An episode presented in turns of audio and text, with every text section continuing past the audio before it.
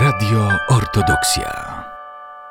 Ta świątynia jest bardzo ważna z punktu widzenia święcenomucznika Maksyma Hordyckiego. On w tej wsi w Żdyni urodził się i w tej w cerkwi był chrzczony. Tu jego ojciec Tymoteusz był diaką, czyli dyrygentem, żakiem. On czytał, śpiewał. W tej cerkwi święty Maksym się wychował. Dlatego ta cerkiew jest dla nas bardzo ważna. Pokrowska cerkow w naszej diecezji, w naszym dekanacie jest mnożeństwo cerkow pokrowskich. I to jest taka ciekawa sytuacja, bo jeżeli ja bym chciał zaprosić po sąsiedzku świaszczennika na praznik, ciężko jest z tym wszystkim, ponieważ każdy praktycznie ma u siebie pokrowską cerkę i sprawuje nabożeństwo w dzień pokrowa Bożej Materii u siebie. To jest bardzo piękna świątynia z odnowionym ikonostasem, z odnowioną polichromią i ikonami czterech ewangelistów i patronalną ikoną też pokrowa Przystojliwej Maryi. Cerkiew pochodzi z XVIII wieku, 1795 rok. Taką datę można przyjąć powstania tej świątyni, aczkolwiek trzeba pamiętać, że cerkiew płonęła. Ta cerkiew, która teraz stoi, jest ponownie wybudowaną cerkwią po tej, która stała przed XVIII wiekiem. Cerkiew pierwotna była budowana jako prawosławna, ponieważ mówimy o wieku XVI-XVII, kiedy jeszcze na Łymkowszczyźnie nie było Unii. Uniatyzm na Łymkowszczyznę przyszedł ponad 100 50 lat później,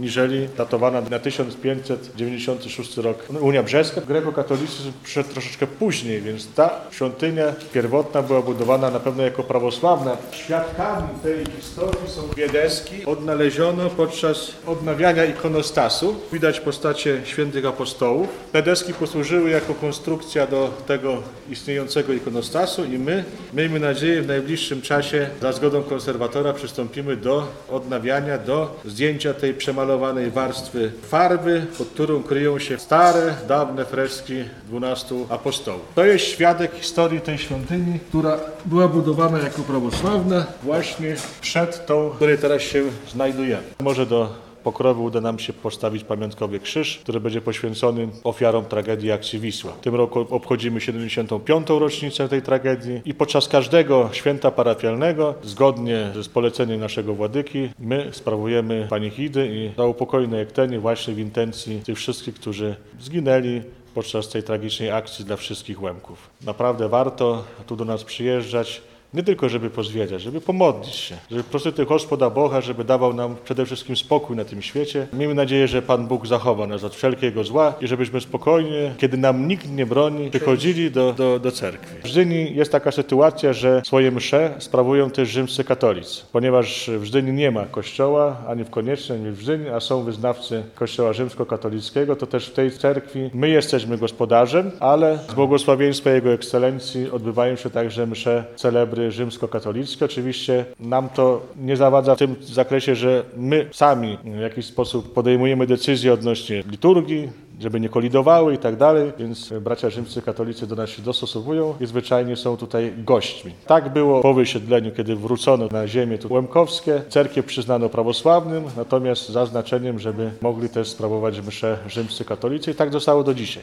Dzwonnica sama ma mieć 18 metrów wysokości. Miejmy nadzieję, że będziemy się w przyszłości cieszyć perełką wśród cerkwi tu na Łemkowszczyźnie. To jest pierwsza świątynia, można powiedzieć, budowana od podstaw, drewniana w stylu łemkowskim po wysiedleniu. Nikt wcześniej tego nie robił, aczkolwiek była budowa cerkwi w Komancie, ale tam był problem tego typu, że cerkiew się spaliła, no i trzeba było ją odbudować.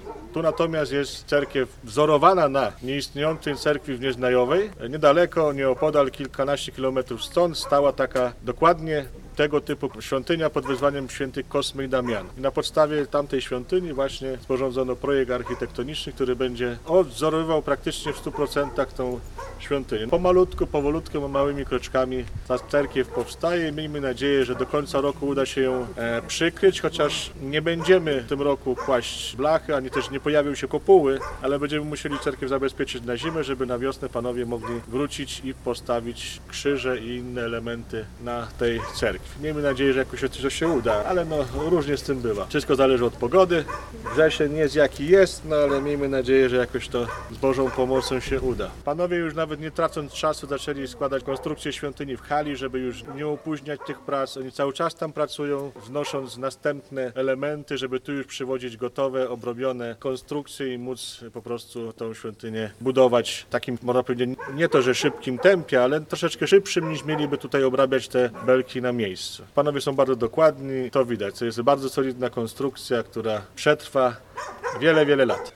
Ciekawostka jest taka, że w cerkwi w Bartnem, tam jest jeszcze cerkiew muzealna i w tej cerkwi muzealnej znajduje się ościeżnica, portal. Portal, który pochodzi właśnie z cerkwi znieznajowej. Tam jest apostoł Petro i apostoł Pawło, okalający właśnie drzwi i całkiem możliwe, jeżeli tylko władze się zgodzą i konserwator wyrazi zgodę i także właściciel tego zabytku chronionego wyrazi taką swoją aprobatę, będziemy mogli umieścić ten, tą pamiątkę po cerkwi z Nieznajowej właśnie w tej nowej cerkwi. Czyli coś z Nieznajowej, oprócz samej konstrukcji, jeszcze ten żywy przykład może jeszcze trafić do naszej cerkwi. Ta cerkiew budowana jest ofiarami ludzi z Podlasia. Przeglądając wpłaty na konto, Bielsk Podlaski, Białystok, Hajnówka, całe województwo podlaskie.